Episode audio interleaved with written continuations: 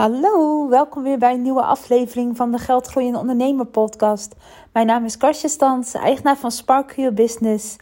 En ik help ondernemers om meer inzicht in hun financiën te krijgen en een goede financiële strategie te hebben. En alles natuurlijk met doel om meer financiële vrijheid en privévrijheid te krijgen. En uh, ja, deze podcast is eigenlijk een beetje een terugblik op september. En vooral wat ik heb geleerd van de lancering van Finance Meets Fun Online. En uh, ja, Finance Meets Fun Online was inderdaad een idee van mij. En uh, hij is afgelopen woensdag geweest. En er deden vijf leuke, onder nee, zes leuke ondernemers mee. En uh, het was eigenlijk een beetje de bedoeling dat we, ja, zeg maar, mijn maandelijkse check, uh, wat ik altijd maandelijks financieel doe, uh, om die gewoon ja, online te doen. En ook gewoon mensen meer inzicht te geven, tips en tricks te geven. En ja, gewoon gezellig uh, over doelen praten. Uh, dat eigenlijk allemaal. Maar goed, uh, ik kan niet alleen terugkijken op zeg maar deze lancering, want ik vind het ook maar eenmalig hoor. Maar deze lancering heb ik heel veel inzicht in gekregen wat heel erg goed is gegaan en wat fout is gegaan. Dus die wil ik met je delen. En ik kijk daardoor ook gelijk terug op heel de maand september, want die was namelijk ook heel bijzonder, heel druk, maar wel heel leuk. Maar ja, het heeft allemaal met elkaar te maken. Dus laat ik eerst eens even beginnen uh, met de lancering. Ja, dat idee kwam eigenlijk in juni. En uh, van, nou, zou het niet leuk zijn om een keer, wat ik eigenlijk altijd één op één doe met mensen. Hè, sommige klanten zie ik uh, met mijn finance uh, een growth light pakket, die zie ik één keer in het kwartaal. En daar heb ik een strategie ochtend of middag mee en daarna zie ik ze elk kwartaal. En uh, bij sommigen checken we ook dan even de administratie of alles goed staat. Uh, we geven inzichten, praten over de business, over de verdienmodellen, over de prijzen, over het aanbod. Ja, uh, je kan het zo gek niet benoemen, maar we praten erover. En ik dacht, nou, hoe leuk zou dat zijn om dat ook een keertje in een groepsvorm te doen? En ik moet ook eerlijk zeggen, ik ben daar ook wel een beetje, zeg maar, beïnvloed door alles wat je om je heen ziet. Hè? Ik bedoel, community is natuurlijk helemaal hot op dit moment. Uh, groeps, online meetings, noem maar op. En ik weet eigenlijk al diep van binnen dat het niks voor mij is. Uh, ik zal zo uitleggen waarom niet. En toch denk ik iedere keer van, nou, het kan wel iets heel leuks zijn. het kan natuurlijk voor passief uh, inkomen zorgen. Nou ja, passief inkomen is natuurlijk helemaal niet. Maar um, ja, het kan natuurlijk wel ook een manier om geld te, verdienen zijn. Terwijl ik dan meer mensen help. Hè. In die twee uur tijd dat ik nu Finance Meets online heb gedaan, uh, help ik normaal met twee klanten en nu zes klanten. Dus het is ook uh, ja, wat schaalbaarder. Maar ik moet eerlijk zeggen, die online dingen zijn niet helemaal voor mij. Ik zit zelf nergens in. Geen enkele community, geen enkele groepsessie. Ik betaal liever zeg maar 8000 euro meer om één op één met iemand te zitten, dan dat ik 300 euro betaal in een groepsessie. Ik heb het gewoon niet op groepen. Ik zit me meestal te irriteren aan al die, al die vragen van anderen. Waar ik echt denk van, ja, kan je dat gewoon niet zelf opzoeken als je een beetje een slechte groep hebt? Uh, en de andere mensen vinden dat helemaal geweldig, van dan leer je van elkaar. Nou, dat heb ik echt totaal niet. Uh, ik denk altijd alleen maar heel erg egoïstisch. Ik heb een probleem, ik wil dat het opgelost wordt. En wat jullie allemaal problemen zijn, interesseert me niet heel erg. Kan heel erg natuurlijk ook een soort uh, narrow iets zijn. Maar ik heb ook gemerkt, en ik luister natuurlijk wel naar alle andere dingen, dat ik daar nooit echt tot een heel groot inzicht ben gekomen. Dus het is ook een beetje, klinkt een beetje arrogant misschien. Maar uh, ja, aldoende leert men. Ik, ja, ik heb gewoon niet het geduld voor die groepen. En uh, ik heb het ook al niet zo. Ja, ik ben natuurlijk best wel een uh. Ik reis natuurlijk ook heel veel alleen. Uh, ik werk ook heel graag alleen. Ja, ik, ik En ik, ik kan heel goed met andere mensen vinden hoor. Ik ben niet heel raar of zo. Maar ik hou gewoon in mijn eentje te ondernemen. En heel gericht en gefocust bezig zijn met iets. En. Um, dus ik weet ook wel precies, zeg maar, zeker omdat heel veel klanten van mijn community hebben. Ik weet precies wat werkt en wat niet werkt. Ik weet hoe je er geld mee moet verdienen, weet ik allemaal. Maar ik weet niet, het is niks voor mij. Maar goed, toch eens een keer weer de stoute aangetrokken. En in juni was ik ook helemaal enthousiast over. Ik denk, nou, dit is leuk. We gaan het gewoon eenmaal, eenmaal proberen. Heel kleinschalig, maximaal zes mensen erin. Um, ja, meer eigenlijk niet. Maar dat was gelijk het eerste probleem achteraf gezien wat er ontstond. Um, en het klinkt net of het helemaal geen succes was. Het was hartstikke leuk. Maar zes ondernemers, ik heb precies mijn doel bereikt. Maar wel met meer moeite. Maar eigenlijk, toen ik die enthousiasme had in juni, had ik het gelijk moeten doen voor jullie. Want ik zat helemaal in de flow, helemaal in de energie. Ik voelde het, ik had de sales page gemaakt. Ik uh, was het heerlijk aan het promoten. Toen hebben gelijk ook uh, twee mensen gelijk een kaartje gekocht. En eigenlijk had ik het gewoon toen in juli al gelijk moeten doen, omdat ik toen in die flow zat. Ja, ik had in mijn gedachten, joh, juni, uh, juli wordt er heel druk voor mij. Um, in augustus gaat iedereen op vakantie. In september uh, ben ik zelf weg. En dan oktober is dan het nieuwe kwartaal. Dan doen we het dan pas. Maar eigenlijk zat er te veel tijd tussen. Tussen het moment van bedenken en het ja, moment van promotie en het uitvoeren. Dus de juiste energie, de juiste enthousiasme was eigenlijk al een beetje weg. Uh, ja, wat? Weggesmolten, weg. nou ja, je snapt me wel. En achteraf gezien had ik het eigenlijk in juni moeten doen. Omdat ik dan gewoon, toen had ik inderdaad een goede energie. En nu had ik het zeg maar bedacht. En ik deed het zo langzaam een beetje op Instagram promoten. En inderdaad, eh, twee mensen kochten gelijk een kaartje. Uh, uh, weet dat, een week later de derde. Ja, en toen werd het vakantietijd. En ik heb het, ja, zeg maar qua promotie. Ik heb ook een hekel aan account, zeg maar, als mensen gaan promoten constant. Ik ontvolg mensen daardoor ook echt. Dus ik ben zelf ook heel voorzichtig dat ik dat niet doe. En ik weet hè, dat je minstens acht keer uh, mensen hebben moeten gezien dat je iets promoot. Maar als je, ja, ik kan niet drie maanden promoten. Daar hou ik zelf niet vol. Vind ik zelf Insta niet meer leuk. Voor heb ik zelf, ga ik mezelf, aan mezelf irriteren. Dus uh, ja, ik, kon het, ik wou het ook niet altijd promoten. Ik heb intussen wel in de maanden in voorbereiding voor de vakantie, uh, of in augustus voor mijn vakantie, heb ik het inderdaad nog uh, een podcast van tevoren opgenomen. Het is een podcast over maandelijks. Een maandelijkse check-up. Nou, die is inderdaad een maand geleden opgenomen. Je hoort me op een gegeven moment ook zeggen: ja, er zijn nog drie kaartjes over. Terwijl er nog terwijl dat aantal al lang uh, voorbij was, zeg maar. Er was al veel minder. Ik heb al het samen met uh, Marloen Minten, daar werk ik mee voor mijn e-mailmarketing. Zij is van Your Marketing Mind. Hebben we ook al mijn nieuwsbrieven geschreven. Maar dat was dus allemaal in augustus. Dus eigenlijk al toen de energie wat minder was, was dat allemaal geschreven. En opgenomen en de Insta-posts waren allemaal ingepland. Dus dan zit je eigenlijk al helemaal niet meer in het moment van die lancering. En uh, nogmaals, achteraf had ik het dus gewoon gelijk in juli moeten doen. Maar goed, augustus liep een beetje voorbij. Af en toe noemde ik het. En uh, uiteindelijk heeft ergens, nou eind augustus nog iemand anders nog een kaartje gekocht. Dus dat was helemaal prima. Maar het ging wel een beetje, uh, ja, niet lastig. Want ik realiseer me ook dat met, bij heel weinig promoties toch mensen een kaartje kopen. Maar ja, ik, ik vond het gewoon lastig om te promoten. En zeker in augustus, weet je. Je hebt een hele lange aanlooptijd. Nou, toen ging ik op vakantie in september. Nou, in september, ik heb er ook een podcast over genomen, ben ik in Amerika geweest. Ik ben eind september nog in Berlijn geweest. En mijn grootste inzicht daaruit, want uh, ja, zoals je weet, uh, of misschien niet weet, maar ik ga tegenwoordig bijna elke maand wel ergens naartoe. Uh, zeker daar in het nieuwe jaar ben ik heel veel weg. En uh, voor mij is dat ook een nieuwe leefstijl. Ik moet daar ook aan wennen. Uh, ik kom uit een corporate omgeving waar je gewoon 40 uur per week werkt. En uh, wat is het, 24 of misschien 30 vakantiedagen hebt. nou, toen kwam corona. Dus nou ja, we weten allemaal geen vliegticket gezien. Of überhaupt een vliegveld gezien. En vorig jaar ben ik wel een beetje we weg geweest. Maar het is wel mijn grote droom natuurlijk. Dat ik gewoon kan reizen. En... Um, dus voor mij is dat ook heel even wennen, ook hoe ik dat moet aanpakken. Hè? Van inderdaad, nou deze twee keer was het echt vakantie. Maar daar ga ik langer weg en dan uh, werk ik uh, ja, gewoon uh, remote, een soort digital nomad-achtig, maar wel echt een zwervende nomad. Ja, ook zo grappig had dat mensen zich digital nomad noemen. Uh, terwijl ze al bijvoorbeeld twee of drie jaar op dezelfde plek zitten. Weet je, dat is geen, dat is geen nomade. Nomade zwerft over de wereld heen. Maar dat even terzijde. Heel ander onderwerp, over een definitie.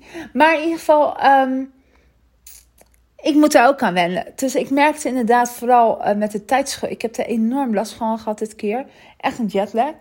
Uh, echt die twee weken aan heeft gehouden. En lijkt me hoe ouder ik word, hoe meer moeite ik ermee heb. Ik heb al enorm veel moeite mee altijd gehad. Met de zomertijd en wintertijd ben ik al drie weken van slag van het één uurtje. Laat staan zes uur en later daar negen uur.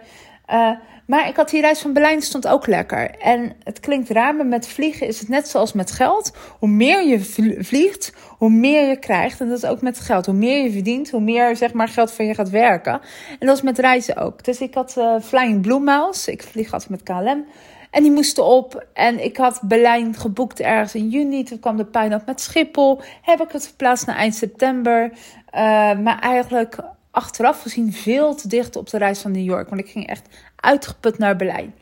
En um, die uitputting die tussen die reizen zat, en zeker ook naar die jetlag. Dus ik kwam me helemaal, uh, helemaal helemaal happy uit New York, maar wel super moe. En toen moest ik eigenlijk nog heel die promotieronde nog een keer gaan draaien. Het is ik aanhaken aan de podcast, aanhaken aan het Instagram. Terwijl ik er helemaal geen energie van had. En dat voel je gewoon. Je voelt dan in alles. Misschien als je mijn stories volgt, heb je dat niet gevoeld. Maar ik voelde het wel. Ik voelde de energie niet.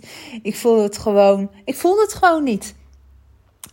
En um, ja, dat. uh, toen ben ik naar Berlijn geweest. Berlijn ook leuk. Ik moet wel zeggen, het is wel een hele grauwe stad. Ik weet niet of je ooit in Berlijn bent geweest.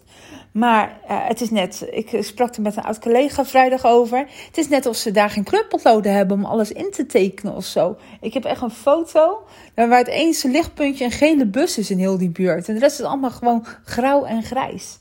En het hangt ook wel natuurlijk een zware geschiedenis hè, met, uh, met de oorlog en de muur en uh, ja, alles wat daar gebeurd is.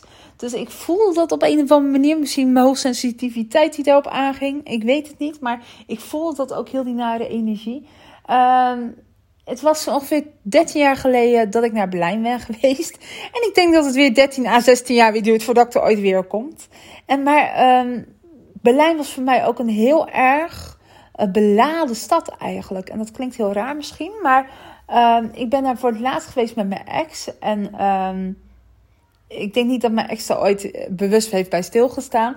Maar mijn ex was gek bij Duitsland, van Duitsland. We gingen toen wij een relatie hadden. Ik ben twaalf jaar getrouwd geweest. Hè? Uh, of ja, twaalf jaar samen, tien jaar getrouwd. En um, dat was altijd best wel. Ja, mijn, mijn, ex was helemaal fan van Duitsland. Ik heb helemaal eigenlijk niks met Duitsland. En wij gingen daar dus elk jaar heen. Ehm, en mijn ex sprak echt heel goed Duits. En ik totaal niet. Dus uh, onbewust, uh, of misschien bewust, ik weet niet. Uh, lang verhaal. of uh, misschien eens een keer een analyse op doen. Maar hij sprak dan heel goed Duits met alle andere mensen daar. En ik zat er altijd een beetje bij, zeg maar, heel onzeker. En ehm, durfde me bijna niet in te mengen. Dus één keer iets met Duitsland en überhaupt de taal Duits maakt me super onzeker. Dus uh, ja, ik ga de andere kant van de wereld heen naar Argentinië, Buenos Aires, noem maar op. Daar ga ik zonder problemen heen. Maar Duitsland was echt een issue voor mij. Ik moest er echt een soort onzekerheid uh, um, ja, uit mijn comfortzone gaan. On onzekerheid uit de weg ruimen om daar in mijn eentje naartoe te gaan. Ja, Berlijn, hè. Het is echt, nou, wat is het, zes uur met het vliegtuig. En wat is het, anderhalf uur vliegen. Maar ik heb het gedaan. Maar dat kwam nog eens bovenop die moeheid van New York. En uh, ik moet zeggen, de mensen in Berlijn waren echt super aardig. Iedereen heeft me geholpen. Engels ging daar natuurlijk helemaal goed. Uh, kun je wat dan zo'n onzekerheid teweeg brengt. Weet je, dat je zo tegenop ziet terwijl het allemaal helemaal goed is. Dus uh, alles is helemaal leuk gegaan in Berlijn. Alleen, het is gewoon niet mijn stad. Ik vond de eetentjes dan wel leuk dat alles buiten stond. En met die curryworst en zo. Vond ik allemaal hartstikke gezellig. De mensen waren super lief. Maar ik, ik weet niet. Het is gewoon niet mijn stad. Ik vind de taal ook niet mooi. Ik vind het zo hard. Um, ja, dus het weer 16 jaar voordat ik er ooit weer kom. Of als ik er ooit nog kom. Maar goed, dat was Berlijn. Dus na de moeheid van New York kwam ook nog eens Berlijn en dit out of de comfortzone. En ja, de eerste avond in Berlijn heb ik helemaal niks gedaan. Ik heb gewoon op die hotelkamer gezeten. En dat was het. Ik had trouwens een creepy hotelkamer. Oh, ik weet niet. Ja, misschien heb je dat op Insta gezien. Maar ik kwam die hotelkamer. Het was gewoon een Mercure hotel naast de KDW. Gewoon een super vier hotel. Helemaal goed. En ik kom echt die kamer binnen en er staat echt een foto van een ja, meisje. Een soort, later scheen het een Pools model geweest te zijn. Levensgroot op de muur gewoon geplakt. En het was ook in de douche en bij de wc. En het, het was een beetje creepy, net alsof het een soort geest was of zo. Het was een, maar goed, dat was blijkbaar dus heel erg uh, modern. En ik heb later nog met de receptionist uh, erover gehad. Uh, en hij zei, ja, de meningen zijn verdeeld. 50% vindt het mooi en 50% vindt het niks. Nou, ik was in de categorie vind het niks. En ook die hotelkamer was ook zo warm. Ja, het lijkt net of ik alleen maar aan het klagen ben. Maar uh, het was 23 graden standaard in de hotelkamer. En de airco ze uitgeschakeld voor de energiecrisis. Maar ja, voor mij had ze die kachel ook wel naar beneden doen. Ik vind 23 graden in slapen vind ik echt heel warm. Uh, maar goed, uh, voor de rest was Berlijn hartstikke leuk hoor. Ik heb alles gezien wat ik wilde zien en uh, helemaal leuk. Maar goed, terug naar de lancering. Ik was dus heel erg uh, moe. En uh, ja, die promotie ging dus uh, op Instagram. Die podcast ging live. Terwijl ik in Berlijn was. Dus totaal niet met mijn focus erop. Of mijn aandacht erop. Of wat dan ook. nou, gelukkig heeft nog één iemand de nieuws, via de nieuwsbrief een kaartje gekocht. En toen had ik nog één kaartje over. En ik had gewoon geen zin meer in promoten in die laatste week. Um, Terwijl ik heel erg achter het idee stond wat ik voor mensen kon coden. Het was 49 euro voor een kaartje. Ook echt niet duur als ik weet hoeveel waarde ik geef aan iemand. Dus het kan ook aan mijn reclame methode liggen dat ik dat niet helemaal duidelijk krijg. Maar uh, los daarvan, ik had ook gewoon zin meer te verkopen. Daar echt zo hard op in te zetten. Uh, puurweg ook ja, gewoon dat het dat promoten. Weet je, het irriteert me ook namelijk als iemand constant aan het promoten is. Dus ik heb een kaartje weggegeven aan een uh, lieve klant van mij. Die was er super blij mee. En dat hebben we, uh, ja, hebben we gehad. En uh, ja, woensdag waren het dus gewoon zes leuke dames bij. het was super leuk. Um, ik zal zo in mijn volgende podcast nog wel vertellen wat daar de inzichten in waren. Want dat was wel heel interessant dat ook iedereen met hetzelfde strukkelt. Maar uh, ja, het is eigenlijk lessen van de lancering. Eén, als ik dus een idee heb, moet ik het gewoon zo snel mogelijk uitvoeren en promoten, want dan zit de energie erop. Twee, niet achter twee vermoeiende reizen doen. En uh, drie, gewoon focus houden. En als er geen focus is of uh, dingen is, um, ja, focus of aandacht is, dan zal je ook zien dat het niet zo lekker gaat. En vier, ja, groepsprogramma's zijn toch niet heel erg van mij. Het grappige was namelijk dat ik best wel veel moeite had om die zes mensen erin te krijgen voor 49 euro. Terwijl ik, uh, wat was het, denk ik? Ja, zeven nieuwe klanten die één op één willen werken. Die uh, minstens 1200 euro hebben betaald aan mij. Dat die, aan, dat, dat die voor een één op één programma veel groter was dan die 49 euro te betalen. heel grappig dus. En uh, ja, ik, ik doe het dus niet zo goed op groepsdingen. Uh, ik heb, werk liever één op één, omdat ik me dan kan, echt, kan richten op de energie van iemand. En dat ik kan zien wat hun problemen zijn. En dat ik daarop kan focussen. Want ja, ik leef natuurlijk op zich best wel maatwerk. En uh, dat ik ook de reactie van iemand kan peilen. Hoe, hoe het daarmee zit. Of, of mensen mij volgen of niet. En dat vind ik toch moeilijk in een groepsprogramma. Uh, dus het zal wel weer een tijdje duren voordat ik dit ga doen. En het was dus een leuk succes. Iedereen was helemaal happy. Uh, mensen waren helemaal, uh, kwamen tot inzicht. Ik heb met iedereen nog gemaild. Um, ja, dus het was eigenlijk gewoon een heel groot succes. Maar gewoon de aanloop om het vol te krijgen.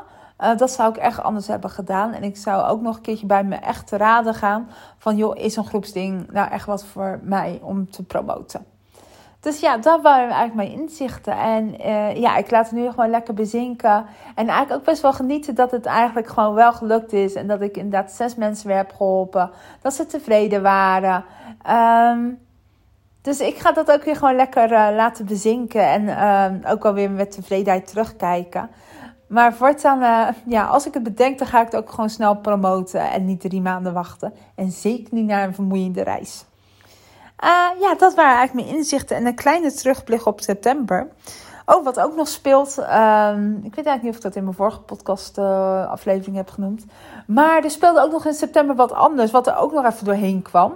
Uh, dat waren de studenten. Ik heb een soort roedel van studenten om me heen verzameld.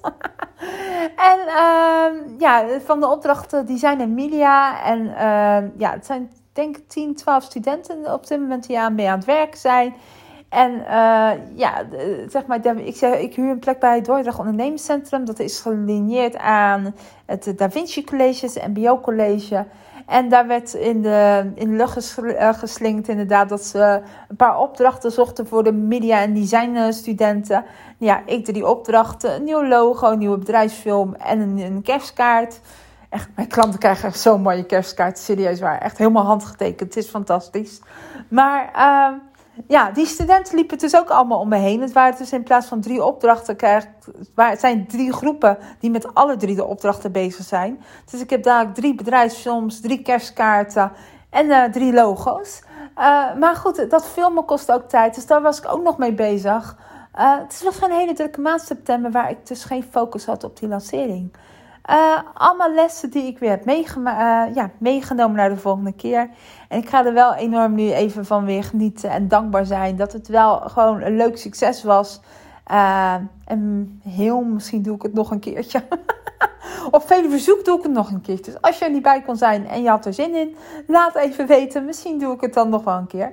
Maar ja, tot zover eigenlijk mijn terugblik op september en op de lancering.